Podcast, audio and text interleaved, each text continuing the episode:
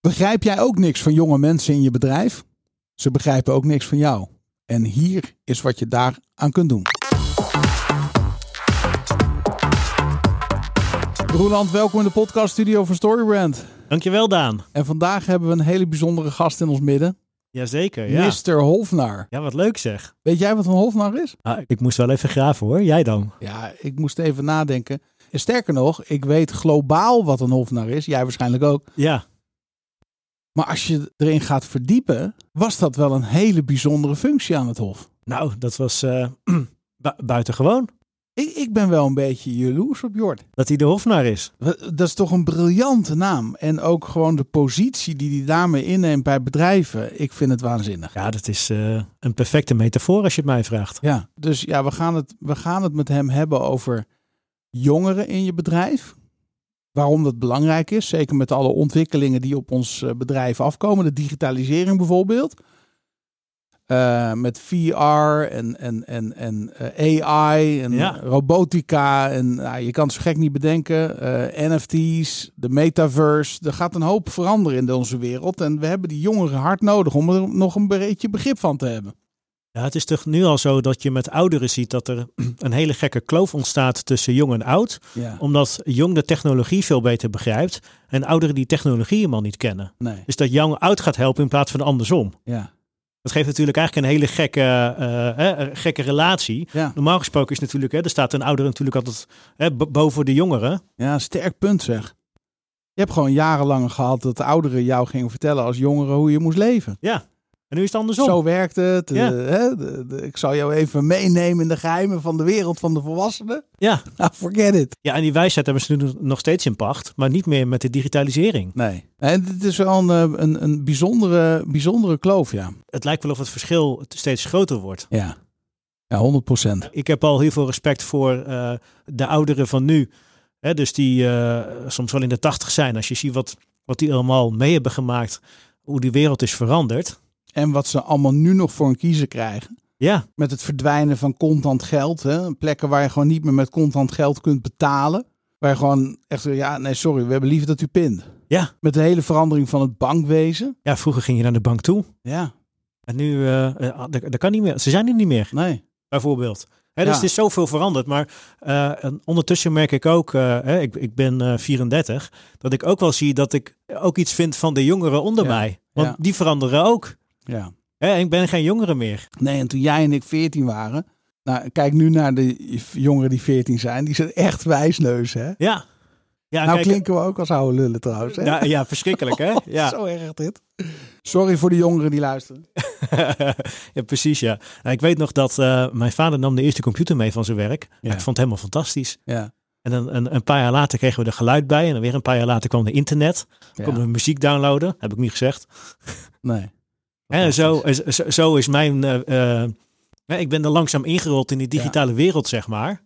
Ja, nu moet je als, hè, als, als kind zijnde heb je een iPad nodig, anders kun je je onderwijs niet volgen. Ja. Het mooiste vond ik toen Charlotte Sophie, die is nu negen. Toen die een jaar of, nou, hoe, hoe oud zijn kinderen als ze gaan staan? Lopen? Anderhalf? Anderhalf, Ja. ja, een jaar. Stond ze voor onze televisie te, te swipen. Ja, ja, ja, ja, ja. Dat zou ik nooit Ja. vergeten.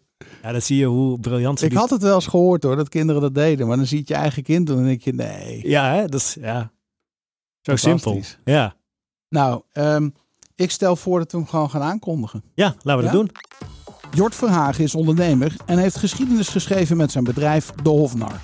Hij houdt CEO's, CFO's en managementteams, maar ook besturen een spiegel voor en voorziet hen van gevraagd en ongevraagd advies. Sinds de Franse Revolutie, in 1789, heeft hij opnieuw de functie van Hofnar geïntroduceerd binnen de maatschappij. En met succes. Hij is onder andere hofnar bij AFAS Software en Monta. Het is Jort zijn doel om iedere organisatie in Nederland te voorzien van een hofnar. Hij is een opleiding tot hofnar gestart en heeft al een aantal hofnarren rondlopen in Nederland. Hier is Jort Verhagen. Jort, hartelijk welkom in de podcaststudio van Storyband. Dankjewel, leuk om hier te zijn. Ik heb hier echt naar uitgekeken. Ik, eh, we hadden het eh, straks toen je binnenkwam al even over eh, waar kennen we elkaar nou precies van? En ik moet je het antwoord schuldig blijven. Het, het zou van alles kunnen zijn geweest. Maar eh belangrijkste, ik heb je een hele tijd al gevolgd.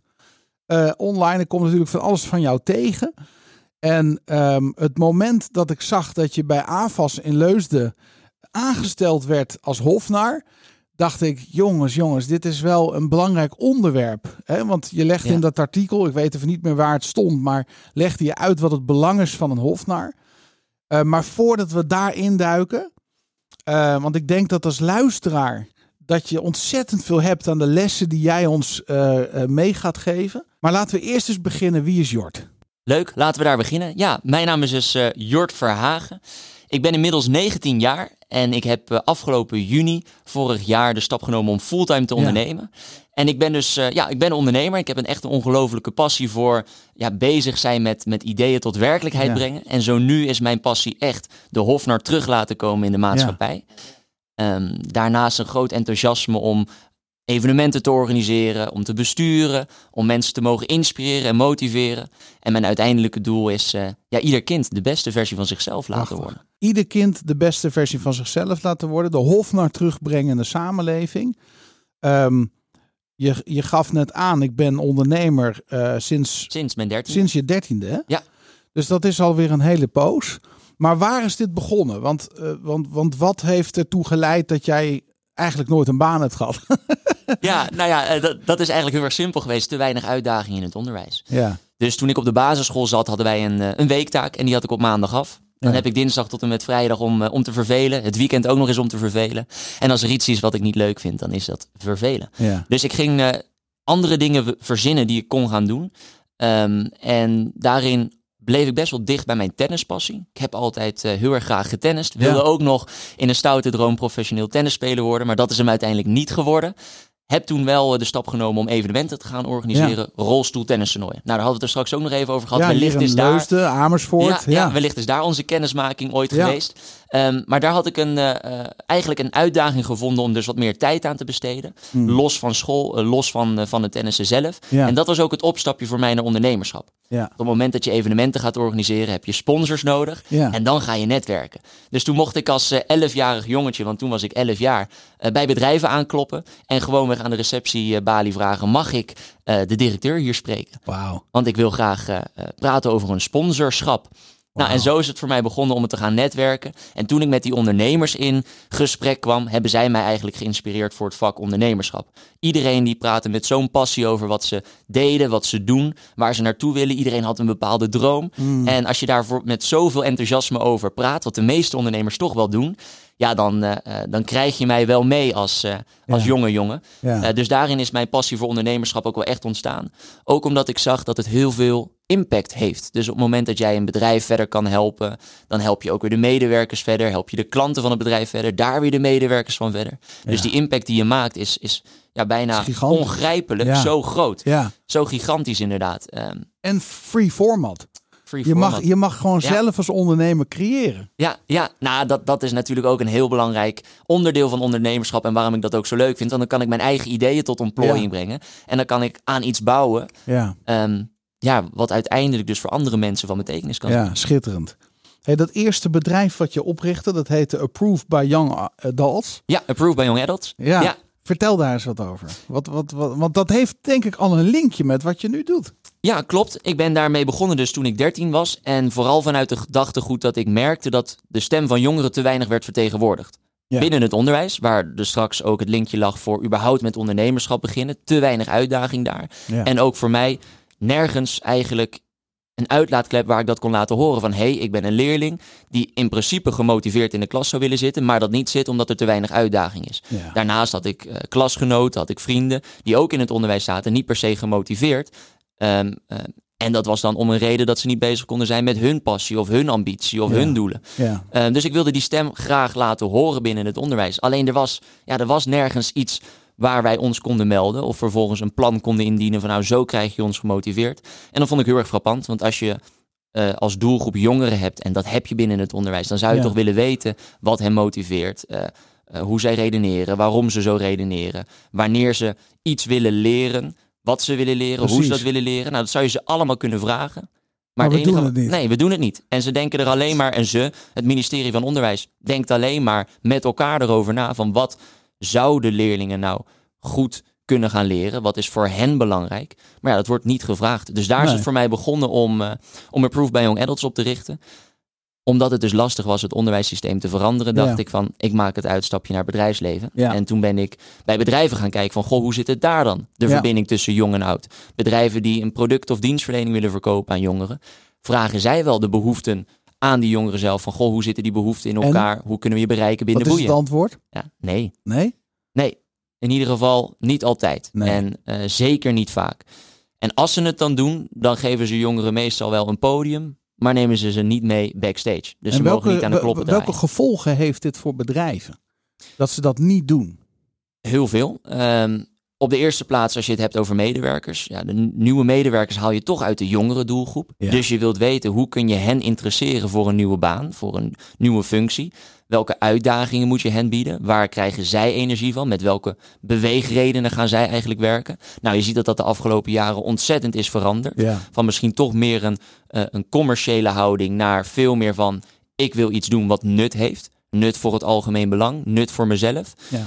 Ehm, dus op het moment dat je niet met jongeren daarover in gesprek gaat, ja, dan raak je eigenlijk het contact met hen kwijt ook en weet je niet hoe je nieuwe medewerkers kan aantrekken. En dat is een hele belangrijke kwestie voor de meeste bedrijven. Ja. Maar tegelijkertijd is het ook een stukje innovatief vermogen dat je mist. Want jongeren die denken nog helemaal niet in kaders, in regeltjes, in conventies. Nee, ze zijn nog hartstikke onbevangen en fantasierijk.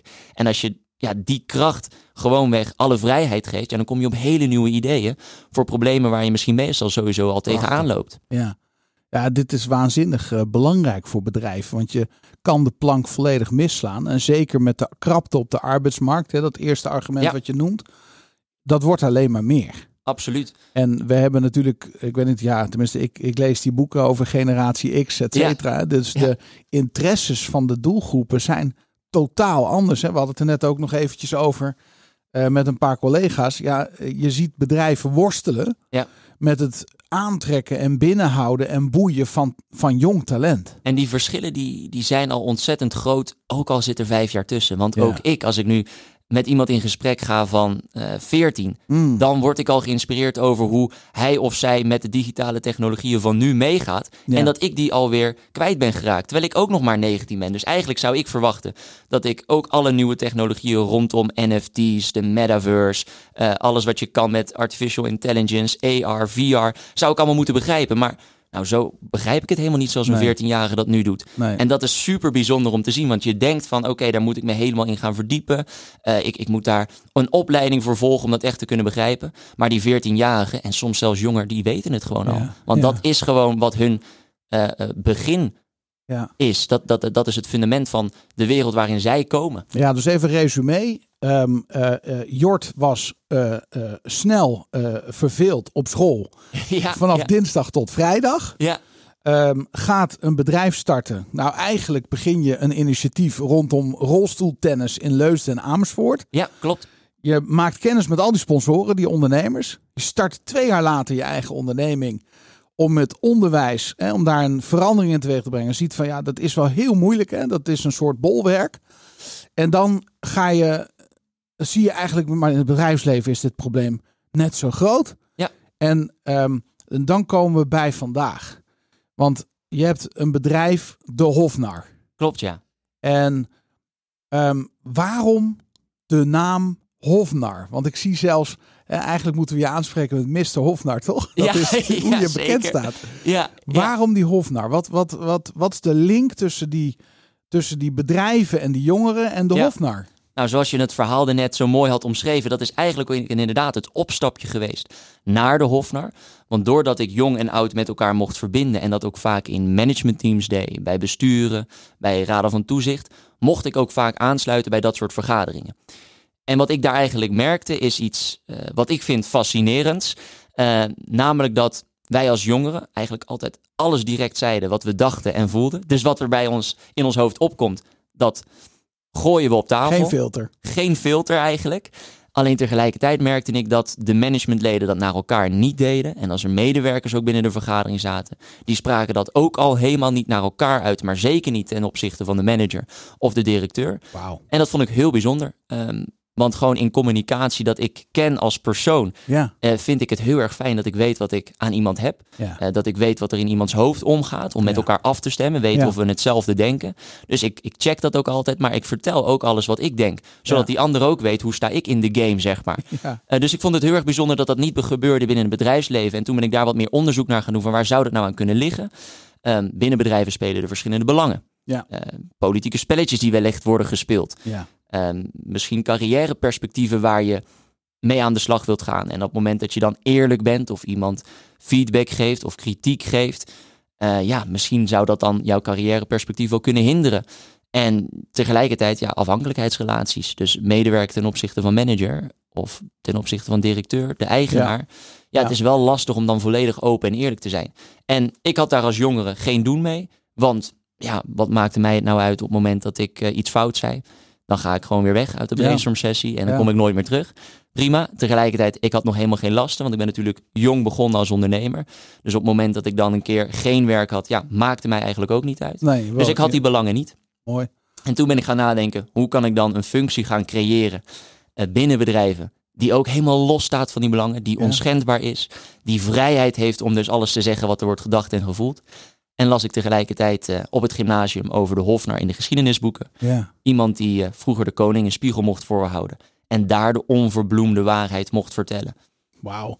Ja, daar noem je me wat, hè? Want we zijn bijna vergeten dat onze geschiedenis dat, dat rijke ambt van een hofnar heeft gekend. Ja, zeker. Wat echt een functie was aan het hof. En niet zomaar eentje, want je noemt bijvoorbeeld onschendbaar. Ja.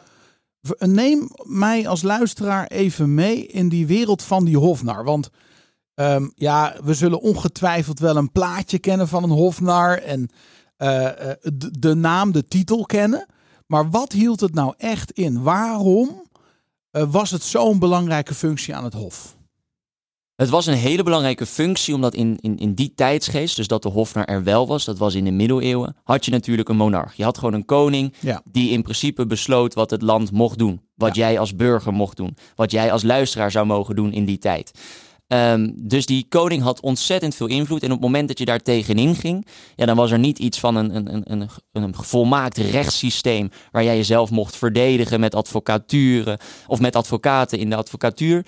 Ehm, nee, je mocht voor de guillotine komen. Eh, Ja. Je kop mocht eraf gehakt worden. Ja. Om het gewoon even heel kort door de bocht te zeggen. Ja. Dus in die tijd was er een veel grotere angst nog om dus daadwerkelijk te vertellen wat je dacht. Ja. Als je dat zei, dan kon dat misschien jouw jouw stand beïnvloeden. De, de, de klasse waar je in leefde. Toen leefden we natuurlijk nog in verschillende klassen en de sociale ladder.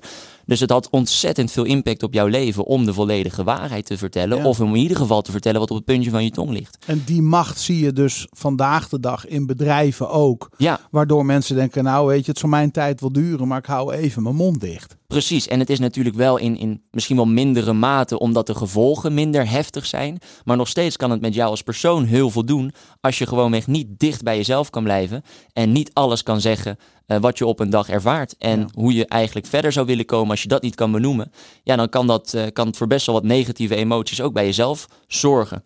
Dus nou ja, eh, vanuit die rijke geschiedenis van een hofnar, waarin het vroeger dus echt van groot belang was om die functie te hebben, van een hofnar die dat dus allemaal wel mocht en die wel de koning voor gek kon zetten en die wel tegen het beleid in kon gaan, zonder enige consequenties. Ja, dat is toch wel echt waar die rijke geschiedenis is ontstaan. Zou je dus kunnen zeggen dat de koningen van vroeger bewust kozen voor de hofnar aan het hof en dat toelieten? Soms ten koste van hun eigen ego of hun eigen machtspositie, omdat ze zagen dat het uiteindelijk in belang was van iedereen.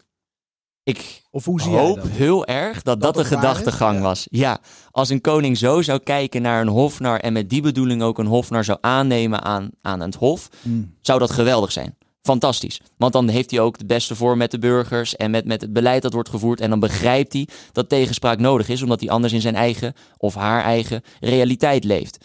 Alleen, eh, tegelijkertijd was een hofnar vroeger ook gewoonweg een entertainer. Ja. Een entertainer die eh, langs allerlei hovelingen ging om daar gewoonweg de koning en de hofhouding te vermaken.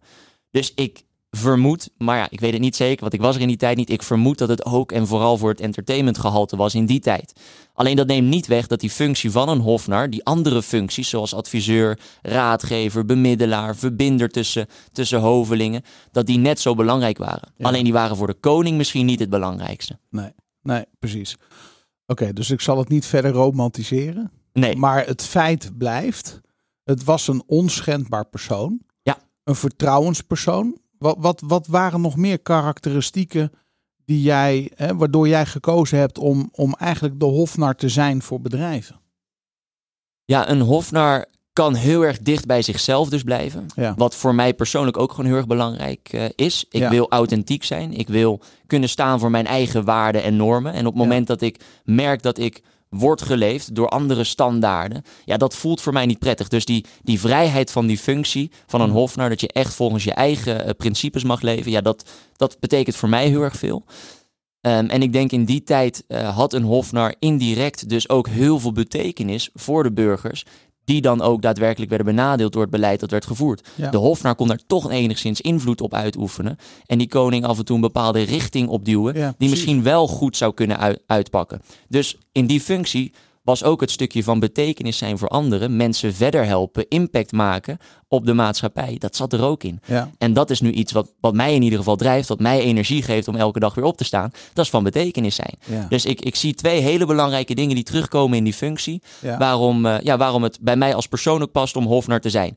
En dan gelijk even een disclaimer, want hij was vroeger dus ook een entertainer. Ja, het stukje entertainment vind ik dan toch wel wat lastiger. Want ik ben niet iemand die continu een grap en een Nee. rol maakt. En, dat eh, zijn en- de cabaretiers misschien Ja, ook wel dat een zijn de cabaretiers. deze wereld. en ik vind het heel erg leuk om mensen te entertainen. Ja, Maar dan wel op een manier dat ik het met motivatie, inspiratie kan doen. eh, dat het over een stukje inhoud gaat.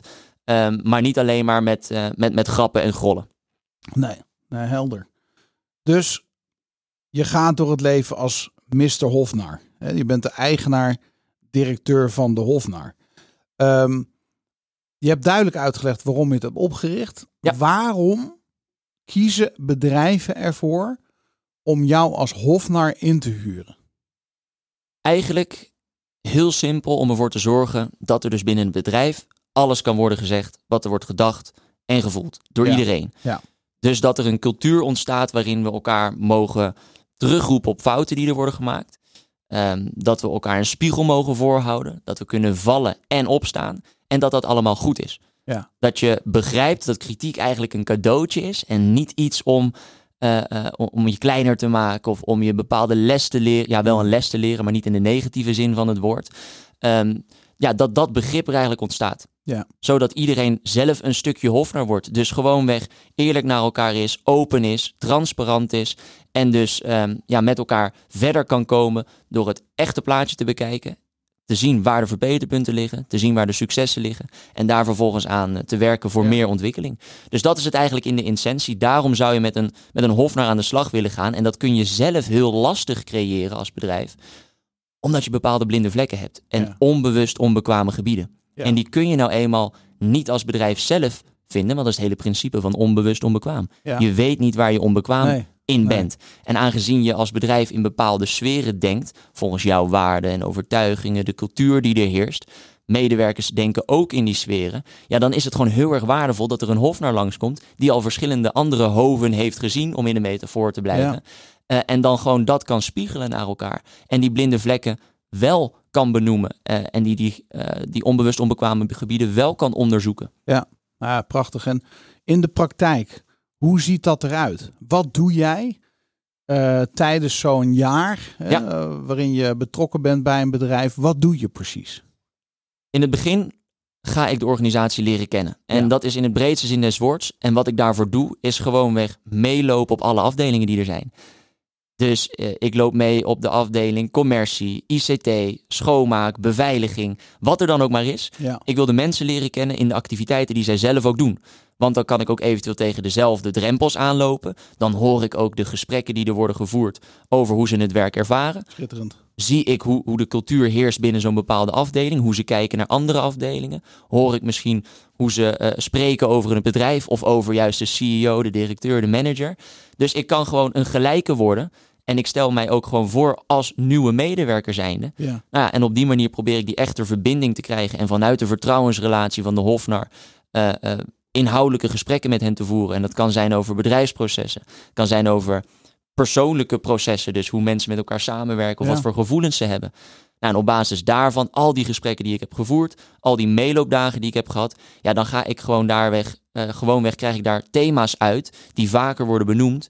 ehm, Ja. ja, waar verbetering op plaats kan vinden. Ja. Of wat een ongelooflijk groot succes is. Nou, op het moment dat je een succesthema te pakken hebt, ga het vooral nog verder verspreiden als bedrijf en inspireer anderen ermee. Prachtig, ja. En op het moment dat je een verbeterpunt hebt, ja, ga er met z'n allen aan de slag.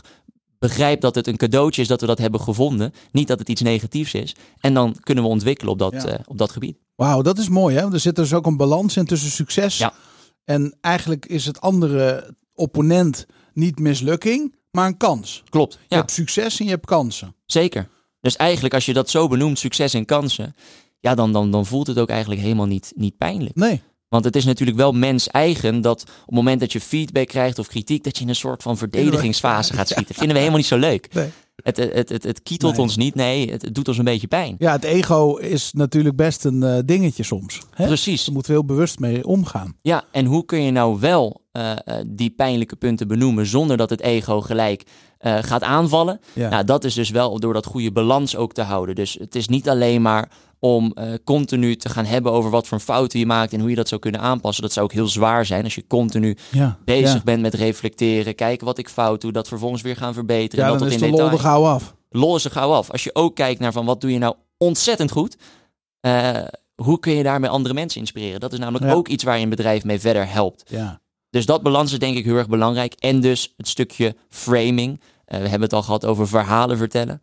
Ja. Vertel gewoonweg dat kritiek een cadeautje is. Zou je kunnen zeggen, Jort, dat wanneer je jonge mensen je bedrijf binnenhaalt, je automatisch al een beetje hofnarren naar binnen haalt, omdat ze die filter niet hebben? Zeker. Ja? Ja? Ja, ja, ja, Als je begint met jonge mensen in je bedrijf. En ze dan ook daadwerkelijk de ruimte geeft. Want die moeten ze natuurlijk wel voelen. De ruimte geeft om alles te zeggen wat, ze, wat, wat, wat hen opvalt.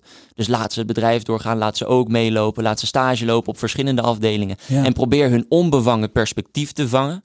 Ja, dan krijg je ook al dit soort ideeën en thema's naar boven. Over wat misschien in eerste instantie blinde vlekken waren. Ja. Want ja, die jongeren die zijn ook onbevangen binnengekomen. Ja. Die dachten ook nog niet in de sferen van het bedrijf. Maar al heel snel, doordat ze gewoon aan de slag gaan met de standaard werkzaamheden voor de betreffende functie.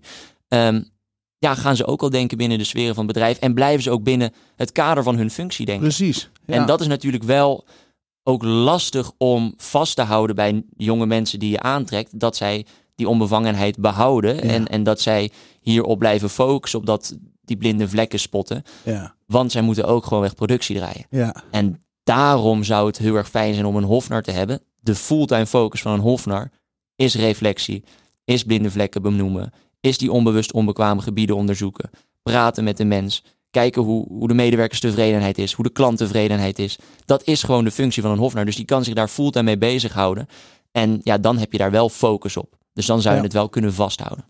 Je doet dit al bij bedrijven. Ja. Ehm, hoeveel dagen in een jaar doe je dat? En, en wat voor afspraken maak je daar eigenlijk over met een bedrijf? Want ja, je wil die onafhankelijkheid natuurlijk wel volledig borgen. Ja, zeker. Eh, hele leuke vraag. Ik doe het inderdaad eh, bij een aantal bedrijven. En twee zijn er wel leuk van om te noemen. Ja. Onder andere AFAS Software Ja, en eh, Monta. Monta Packing heet in het eerst. Het heet nu Monta. Dus voor de kijkers die Monta Packing kennen, weet dat het nu Monta heet. Dat zijn de bedrijven waar ik het onder andere bij doe. En hoe dat nou eigenlijk begint, is ik stel eh, een, een, een samenwerking vast waarin ik 45 dagen aanwezig ben bij het bedrijf. Ja. En in de praktijk wordt dat vaak één dag in de week. Zodat ik aan de ene kant nog extern kan blijven. Niet zelf in die sferen van het bedrijf ga denken. Ja. Maar wel eh, genoeg tijd heb om het bedrijf ook vanaf de fundamenten te leren kennen. Ja. Want als ik gewoonweg één middag in een kwartaal langskom en een beetje mijn zegje ga doen, ja, dat is totaal niet gefundeerd. Nee. Dus ik heb wel die 45 dagen nodig, Ja. maar ik moet daar niet de hele week door zijn. Dus dat is een hele belangrijke. En wat ik dan eigenlijk afspreek, om dus die onschendbaarheid te behouden precies. en die vrijheid, is dat, eh, dat de factuur vooruit betaald wordt. Ja. Dus vanaf het begin van de samenwerking heb ik vrij spel om precies datgene te doen wat ik denk dat nodig is, wat ik acht dat nodig is. En ik kan dus alles zeggen, want op het moment dat ik bijvoorbeeld zeg dat de CEO een beetje arrogant overkomt in een bepaalde eh, bespreking die hij doet of een verhaal dat hij vertelt op een podium. Ja, dan, dan mag ik dat zeggen. En Ja, dan je kan hoeft, ik dat zeggen. je, je hoeft dus niet bang te zijn of je factuur wel betaald wordt. Nee. Hè, dus, dus daar hoef je geen rekening mee te houden in jouw gedachten, al is het maar op Klopt. onbewust niveau. Dus betaalt een bedrijf vooruit. Daarmee is de lijst schoon Ja. en kun jij je gang gaan. Dus Ja. het is ook in het bedrijfsbelang dat dat meteen ook helder is. Eh, Echt wel een hele mooie metafoor heb je te pakken hè, met Hofnaar, vind je niet? Ja, absoluut. Ja, zeker. Nee, want als je dat ook niet zou doen, ja, dan zou je ook niet compleet zuiver zijn met het concept. Nee. Want dan loop ik tegen dezelfde valkuilen aan. Dan vind ik het misschien ook wel lastig Ja. om in een, een vergadering eh, ja, toch die roze olifant te benoemen. Omdat die misschien heel erg pijnlijk kan zijn, omdat die heel erg confronterend kan zijn. En ja, als ik dat zou hebben, ja, dan is het hele gedachtegoed van de Hofnar eigenlijk ook alweer om zeep geholpen. Ja. Dus je wilt er alles aan doen om die complete vrijheid te benoemen. En dan nog is het af en toe lastig. Want ook ik vind het als persoon gewoonweg lastig. Je blijft een mens. Ik blijf een mens om, Ja. om, om ook keiharde feedback te ontvangen. Dat, dat, dat blijft, blijft gewoon moeilijk. Ook om het te geven, want je weet dat het met iemand iets gaat doen. Alleen doordat je die functieterm van een hofnar ook weer draagt, werkt het toch wel versterkend. Want er zit om jou heen al, zit er een bepaalde omgeving die veiligheid en ruimte heeft gecreëerd om dus wel alles Exact. bespreekbaar te maken. Dus mensen weten dat ik er in die rol ook bij zit. Ja. En zou ik dat niet zitten, dan zou ik ook heel duidelijk zeggen, ik zit nu niet in mijn hofnarrol, ik ben nu Jort, zeg maar. ja, Ehm, maar bij bedrijven ben ik natuurlijk aangenomen voor die functie. exact. Dus ja, dat is ook alweer een heel groot voordeel. Ja. Stel, ik ben luisteraar van deze podcast. Ik ben CEO van een bedrijf of eh, lid van een MT. Wat kan ik doen in mijn bedrijf? Kijk, ik zal heel simpel zeggen, ze moeten absoluut naar jouw website gaan. Ja. En, en, en jou eens uitnodigen om te kijken van, hey, hoe zou dat kunnen werken? Maar ehm, wat kan ik nu al doen in mijn bedrijf om die cultuur van vrijheid, hè, die het toch wel is. Ehm, en voordat ik de vraag afmaak, Ja. wil, ik- wil ik nog één ding daarover zeggen, want dat schoot me net te binnen. Ja. Als ik jou hoor praten en ik stel me het bedrijf voor wat helemaal vol gebruik maakt van de Hofnar, Ja. heb je een organisatie gecreëerd die geen energie verliest of verspilt aan onnodige zaken. En je haalt alle ruis uit de communicatie. Je zorgt gewoon van jongens, kom op, we moeten die kant op. En, en dat, dat, dat, is, dat is echt een, echt een hele me- mooie metafoor. Ja, en het leuke daarbij ook is, is dat ehm, ze creëren het wel zelf. Want ik hou natuurlijk alleen maar een spiegel voor. En een Ja. spiegel die, ja, die, die praat in principe niet, die laat zien wat de situatie is. Ja, je zegt al van dit is goed. Ja, Ga hiermee door. dit is goed, ga daarmee door. Dit is een verbeterpunt, ga dat verbeteren. Ja. En in principe zou je dat zelf dus kunnen weten. Alleen je hebt gewoon even net dat, die helpende hand nodig die Ja. het laat zien en die dat inzicht brengt. En op, vanuit dat inzicht kunnen bedrijven, dat, hoe je het net omschreef, zouden ze dat heel makkelijk kunnen creëren. Welke stappen zou ik als luisteraar al kunnen zetten in mijn bedrijf voordat ik Jort uitnodig om te spreken over die functie? Ik denk dat het heel erg belangrijk is, want het gaat uiteindelijk om een soort van cultuurverandering. Ja. Dat je begint met het frame rondom feedback en kritiek. Op het moment dat mensen dat echt gaan zien als hier heb ik wat aan. Hier heb niet alleen ik wat aan, maar hier heeft ook mijn gesprekspartner wat aan. Heeft de afdeling wat aan, heeft het bedrijf wat aan. We zijn met het goede bezig op het moment dat we fouten bespreekbaar kunnen maken. Ja. En dat we moeilijke onderwerpen met elkaar op de tafel kunnen leggen. En daar gewoon eens naar kunnen kijken. En daar eh, dingen over kunnen roepen. Zonder dat we ons dat heel erg persoonlijk nemen. Ja. Ik denk dat je dan al heel ver kan komen. In ieder geval qua verbinding tussen de mensen, tussen de medewerkers. Ja. Maar ook qua bewustwording van waar zijn we nu eigenlijk mee bezig. Waarom doen we de dingen die we doen. Ehm, en dan kun je gewoon heel erg goed werken aan ontwikkeling. Dus ik denk dat dat stukje cultuurverandering, het frame plaatsen rondom feedback en kritiek, dat die al heel erg goed gaat werken. Ja. Het enige wat je dan namelijk nog mist, zou ik willen zeggen, zijn die blinde vlekken en de onbewust onbekwame gebieden. Ja. Want dat is waar je als bedrijf blind voor zou Ja, kunnen die zijn. kun je niet zelf oplossen. En daar zou je ook als afdeling natuurlijk binnen het bedrijf blind voor kunnen zijn. En dan is het waardevol om ook eens een keer die afdelingen bij elkaar te laten kijken. En elkaar weer feedback te laten geven. Stage lopen bij elkaar. Ja, en wat je natuurlijk ook nog kan doen, nu we het er zo over hebben. Ja, ja, Een andere tip die je al gegeven hebt, is zorg dat je die jonge mensen Ja. in je bedrijf welkom heet en de ruimte geeft. Hè? absoluut. Daar zit echt een sleutel. Als zij al onbevangen binnenkomen, Ja. ja, dan moet je die kracht, die, die, die fantasiekracht, die onbevangenheid, Ja. eh, dat, dat enthousiasme dat ze met zich meebrengen, die moet je in hun eh, kracht laten stellen. En die kracht moet je proberen vast te houden. Door gewoonweg die ruimte te Ja. bieden. Dat ze dat ook kunnen doen. Ehm, en ja, ik heb het natuurlijk veel ook gehad over verbinding tussen jong en oud. Dat, Ja. Daar ben ik mee begonnen met Approved by Young Adults. Ik denk dat het zo erg waardevol is om jong en oud met elkaar om de tafel te leren. Want je kan zoveel van elkaar leren. Hmm. Jongeren die nemen al die ideeën met zich mee, dat innovatieve vermogen. Maar die weten misschien niet hoe ze dat in eh, praktische Ja. actiepunten uit kunnen zetten en dat tot werkelijkheid kunnen brengen. Ja. Dat weten de mensen met ervaring weer, vaak ouderen. Ja. Eh, dus door die samen te laten spelen, kan je tot hele goede ideeën komen die ook nog eens toepasbaar zijn. Ja. Ja, en je kunt, eh, ehm, je kunt elkaar inspireren, je kunt elkaar motiveren. Ehm, het is gewoon heel erg waardevol om dat gesprek met elkaar te voeren. Schitterend. Schitterend. Hey, als, de, als het MKB Nederland. Ja. Ehm, we zijn tien jaar verder. De Hofnar is een vaste functie. We zien op LinkedIn allemaal profielen langskomen van mensen die Hofnar zijn. Eh, dat is toch wel jouw droom. ja, Ehm, geweldig. Ik ga er gelijk van glimlachen. ja, wat, wat gaat dat teweeg brengen in onze culturen, in ons, in ons land? Ik denk dat Nederland een groter reflectievermogen gaat krijgen. Ja, Ik zie echt wel een beeld vormen dat Nederland aan zich veel bewuster gaat worden van zichzelf, van de ander.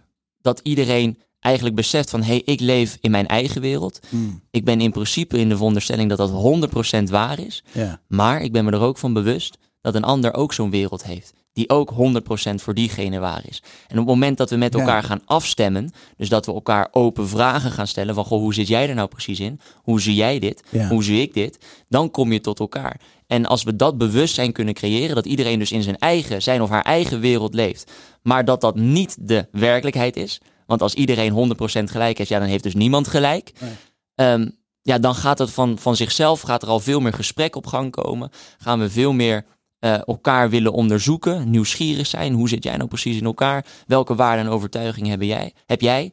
Hoe kan ik je misschien daarbij helpen? Hoe kan ik jouw blinde vlekken benoemen? Hoe kan jij mijn blinde vlekken benoemen? We worden met z'n allen gewoon een stuk bewuster van wie we zijn, wat we Ja. doen, waarom we dat doen, eh, wanneer we dat doen, met welke motivatie we dat doen. Beweegredenen. Dus ik denk dat dat heel erg waardevol kan Ja. zijn voor heel Nederland. Kortom, Mark Rutte heeft ook een nodig. Absoluut. Ja? Ja? Ja, Ja. op nummer één. Als hij dat zou doen, dan zou hij zo'n grote boodschap verkondigen naar heel Nederland. Eerst natuurlijk naar de politiek. Ja. Wij staan open voor transparantie, voor openheid, voor tegenspraak, voor eh, het echte verhaal. Ja.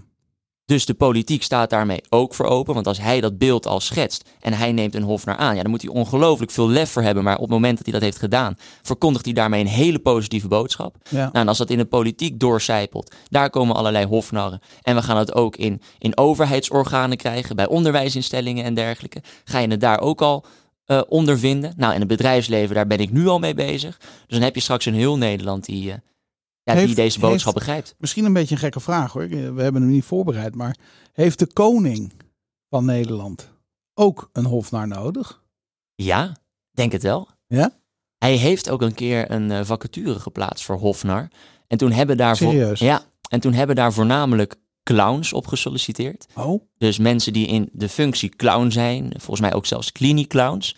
Ik weet er in het fijne niet vanaf, maar uiteindelijk is hij daar volgens mij niet mee in zee gegaan, omdat hij zocht naar die oorspronkelijke functie van een Hofnar. ja. Iemand die er ook kon zijn als beste vriend en maatje. Dat Waarom was schrijf je hem geen brief? leuk. Misschien, misschien moeten we dat naar aanleiding van deze podcast eens gaan doen. Ja, zeker als je zegt dat hij op zoek was naar een hofnar in die functie. Ja, en Het hem volgens mij ook minst- nog niet heeft gevonden. Ik, ik zie op, op zijn minste gesprek op Paleis eh, Noordeinde is een Ja, werkpaleis. Hè?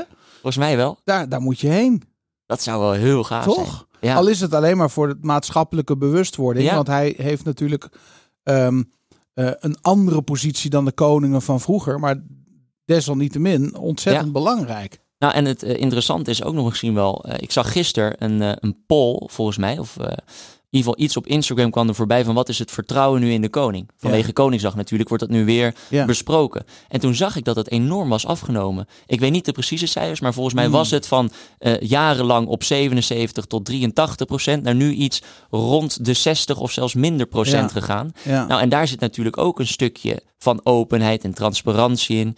Ehm, ja, daar zou een Hofnar misschien ook Ja. bij kunnen helpen. Ja. Ook de koning weer eens eh, de onverbloemde waarheid vertellen. Ja. Ja. Prachtig.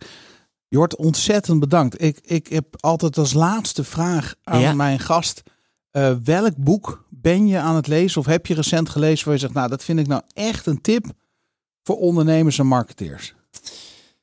Hele goeie. Uh, ik denk gelijk aan een boekje dat ik nu zojuist heb uh, gelezen. Die heb ik meegenomen bij, bij opa en oma. Maar ik zit naastig te denken over hoe die ook alweer heet, die schrijver. Het, het boekje heet in ieder geval De Profeet. En volgens mij heet de schrijver iets met Kahil, maar ik weet het Ja? niet helemaal zeker. Ja, Maar ik heb dus een heel Ja. mooi boekje. De Profeet. ja. Heeft mij We gaan het opzoeken, maar waar gaat het over? Ehm, het gaat over heel veel waarheden. ehm, over het leven, over eh, kinderen, over ouders, over economie, over het huwelijk, over de dood, over alle onderwerpen van het leven zou je kunnen noemen. Wauw, En ehm, ja, hoe je daar naar zou kunnen kijken. Prachtig. Ja, en dat, dat is met heel veel wijsheid geschreven. Eh, ik heb er heel veel wijsheid uit kunnen halen. En het zijn allemaal hele krachtige one-liners. Niet geschreven in one-liners. Het is wel gewoon een verhaal. Ja. Maar elke zin is met zulke woorden beschreven waar zoveel betekenis achter zit. Ik denk dat je dat eh, heel veel verder kan brengen in het leven. Mooi. Heb je één ding wat je eruit kan lichten waar je zegt, nou dat is me echt bijgebleven, die hou ik vast? Eh, ja, dat is wat je geeft aan de wereld, krijg je ook terug. We kennen die wel vaker. We hebben Ja. die misschien ook wel gehoord in allerlei mindset podcast. Ehm, geven eh, en je krijgt het terug. Een beetje karma, het, dat idee. Maar ook dat staat weer heel erg mooi beschreven in hele andere bewoording dan dat ik het nu beschrijf in dat boek. En ik denk dat je dat heel veel inspiratie kan opleveren. Dus ja, ga met zoveel energie de wereld in als dat je ook zou willen ontvangen. Prachtig. Ontzettend bedankt. En ik ben heel benieuwd, we blijven je volgen en ik ben heel benieuwd waar jij als hofnaar allemaal terecht gaat komen. We gaan het ervaren. Ik zou zeggen tot de volgende keer. Tot snel weer.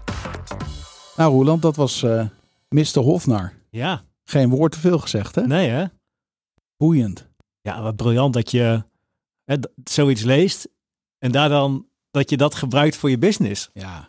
Dat je eigenlijk gewoon weer iets wat in de middeleeuwen is ontstaan, weer naar Nederland hè, op, opnieuw eh, aan de, onder de aandacht brengt bij mensen. Gaaf Ja, hè? vind ik helemaal fantastisch. Ja, ik ook. Het is een functie die eigenlijk, het is gewoon bijna jammer dat hij zo lang is weg geweest. Het werd hoog tijd dat iemand hem eh, weer terug in ere herstelde. Nou, in de, ja, ja, dat Hè? zeg je mooi. Ja, ik sluit me daarbij aan. En wij hebben gewoon de eer dat we hem hier in de podcaststudio hebben gehad en hem zelf vragen hebben kunnen stellen. Weet je wat ik een van de gaafste dingen vond die ik hem heb horen zeggen? Nou, Is dat hij gewoon de factuur van tevoren laat betalen, zodat hij die onafhankelijke rol, dat, dan, dat is toch briljant? Ja, dat ben je is- 19 jaar. Echt fantastisch. ja, als ondernemer zijn, dan kan je daar alleen maar van gaan glimlachen. dat is toch? toch smullen? Ja, want anders ben je niet meer onschendbaar. Ja, en dat hele concept, dat is eigenlijk, hè, dat, dat is natuurlijk heel bijzonder dat er zoiets ooit ontstaan is. Ja. Hè, dat er dus een hofnaar was die gewoon geen blad voor de mond hoeft te houden, maar gewoon tegen de koning kon zeggen wat hij er echt van vond. En die koning die pikte dat gewoon. Ja, ja en, en, en als je erover nadenkt, denk je wat logisch dat dit in een bedrijf hoort. Ja. Het is gewoon zo belangrijk. Ja, het klinkt hè, niet om het niet te doen, maar eh, je hebt natuurlijk de medezeggenschapsraad, hè, onder Ja. de ondernemersraad. Oh ja, Daar, daar heeft het volgens mij wel mee te maken. ja, Maar dat is eh, een ander kaliber, denk ik. ja. ja en dit is ook het, ehm, het faciliteren van een cultuur van openheid en betrokkenheid. Ja, die, hè, je zou denken van dat, dat, dat is het toch al lang, want hè, hoe lang bestaan er al bedrijven? Maar, maar toch denk ik, hè, omdat de maatschappij weer enorm verandert. En de, hè, de, we hebben natuurlijk twee jaar COVID gehad waarin heel Ja. veel mensen op afstand gingen werken.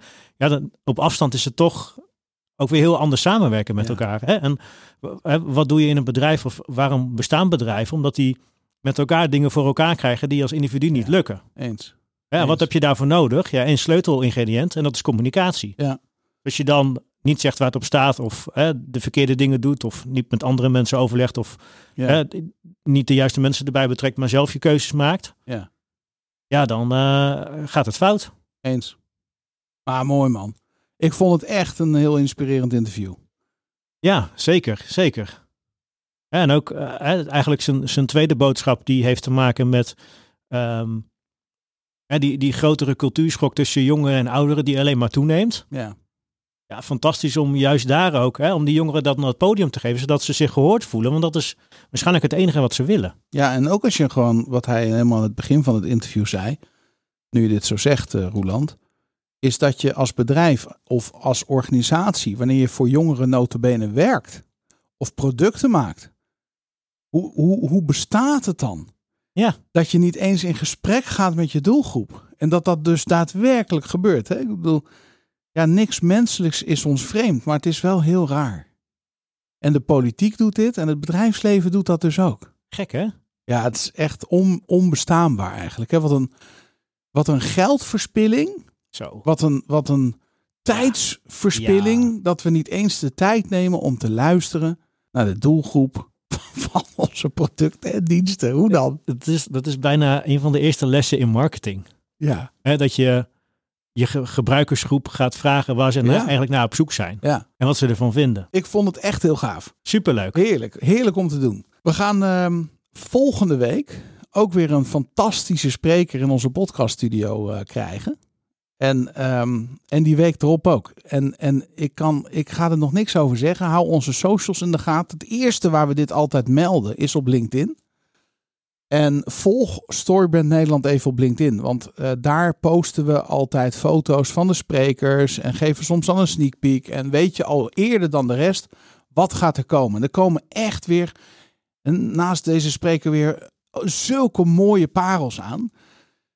Ja, ik kan niet wachten tot de volgende uitzendingen. kijk- Heerlijk om te doen. Ik kijk ernaar uit. Roeland, over een paar dagen, ja, een paar dagen, nou een paar weken, Een paar weken hè? ja, staan wij met z'n tweeën vier dagen lang op het podium. Ja, leuk. En dat, is, dat doen we een paar keer per jaar. En daar zie ik enorm naar uit. Ik ook, Daan. Ja, echt Ja. een feestje om samen met jou de tweedaagse workshop te geven.